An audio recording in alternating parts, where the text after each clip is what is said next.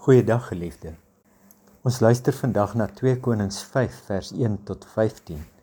Ons ontmoet hier nog 'n vroeë profeet, Elisa.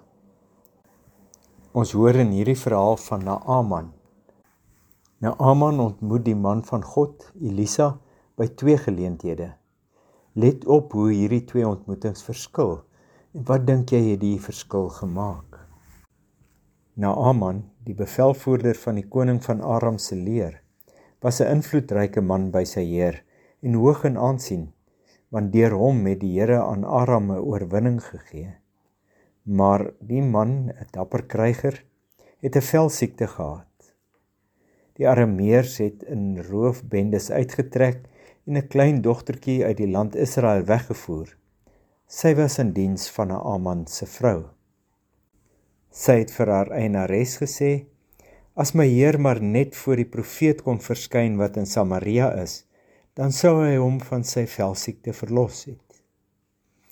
Naaman gaan toe en vertel vir sy heer. Dit is wat die dogtertjie uit die land Israel gesê het. Toe sê die koning van Aram: "Gaan dan. Ek is gewillig om 'n brief aan die koning van Israel te stuur." Hy het toe gegaan en 10 kikar silwer, 6000 sikkels goud en 10 stelle klere saamgeneem. Hy het die brief vir die koning van Israel geneem wat gelei het: Wanneer hierdie brief nou by u aankom, kyk, ek stuur u na Aman, my dienaar, sodat u hom van sy velsiekte kan verlos. Toe die koning van Israel die brief gelees het, skeur hy sy klere en sê: Is ek dan God om dood of lewend te maak dat hierdie man 'n brief na my stuur om iemand van sy velsiekte te verlos? Ja, weet verseker en sien in dat hy 'n rede teen my soek. Toe Elisa die man van God hoor dat die koning van Israel sy klere geskeur het, het hy die koning laat weet: "Waarom het jy jou klere geskeur? Laat hom tog na my toe kom." Dan sal hy besef dat daar 'n profeet in Israel is. Naaman het toe met sy perde en strydwa gekom en voor die ingang na Elisa se huis stil gehou. Elisa het 'n boodskapper na hom gestuur met die woorde: "Gaan was jou 7 keer in die Jordaan sodat jou liggaam kan herstel en word so rein." Maar Naaman het hom vererg en weggegaan. Hy het gesê: "Kyk, Ek het gedink hy sal beslis na my toe uitkom en hy gaan staan en die naam van die Here sy God aanroep en sy hand oor die plek beweeg en die velsiekte wegneem.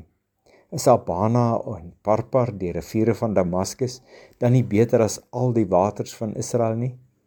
Kan ek my nie daarin was en rein word nie? Hy het toe omgedraai en woedend weggegaan. Maar sy dienaars het nader gegaan en met hom gepraat. My vader het hulle gesê: As dit 'n moeilike opdrag was wat die profeet u gegee het, sou u dit nie gedoen het nie. Hoeveel te meer wanneer hy vir u gesê het: Was en word rein.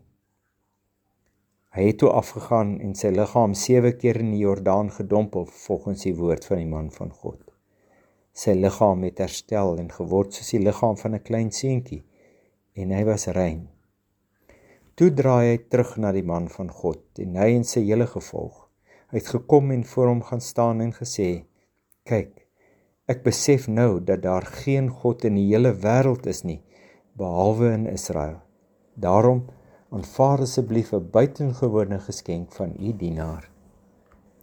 Wat het jy beleef toe jy hierdie verhaal gehoor het? Stop hier om daaroor te dink.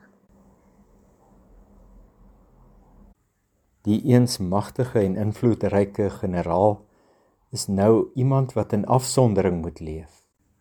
Die velsiekte het mense laat sê dat hy onrein is en daarom is hy uit die samelewing uitgestoot. Moontlik voel jy soms dat jy van die samelewing afgesny is. Jy weet wat dit beteken om so geïsoleerd te wees. Vereenselwig jou vir 'n oomblik met Naaman. Aanvanklik het Naaman baie hoop en hy sien uit na sy ontmoeting met die man van God. Alles gaan nou regkom. Die man van God gaan hom help. Het jy al so 'n verwagting gehad dat alles gaan regkom? Jy kan weer saam met Naaman voel. stop weer hier. Naaman is ontsettend dankbaar nadat hy deur die Here genees is. Dank die Here nou wanneer jy verder bid. Dank die Here vir alles wat jy is en wat jy het.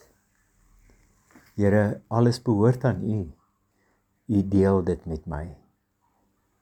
U liefde en u genade is genoeg vir my.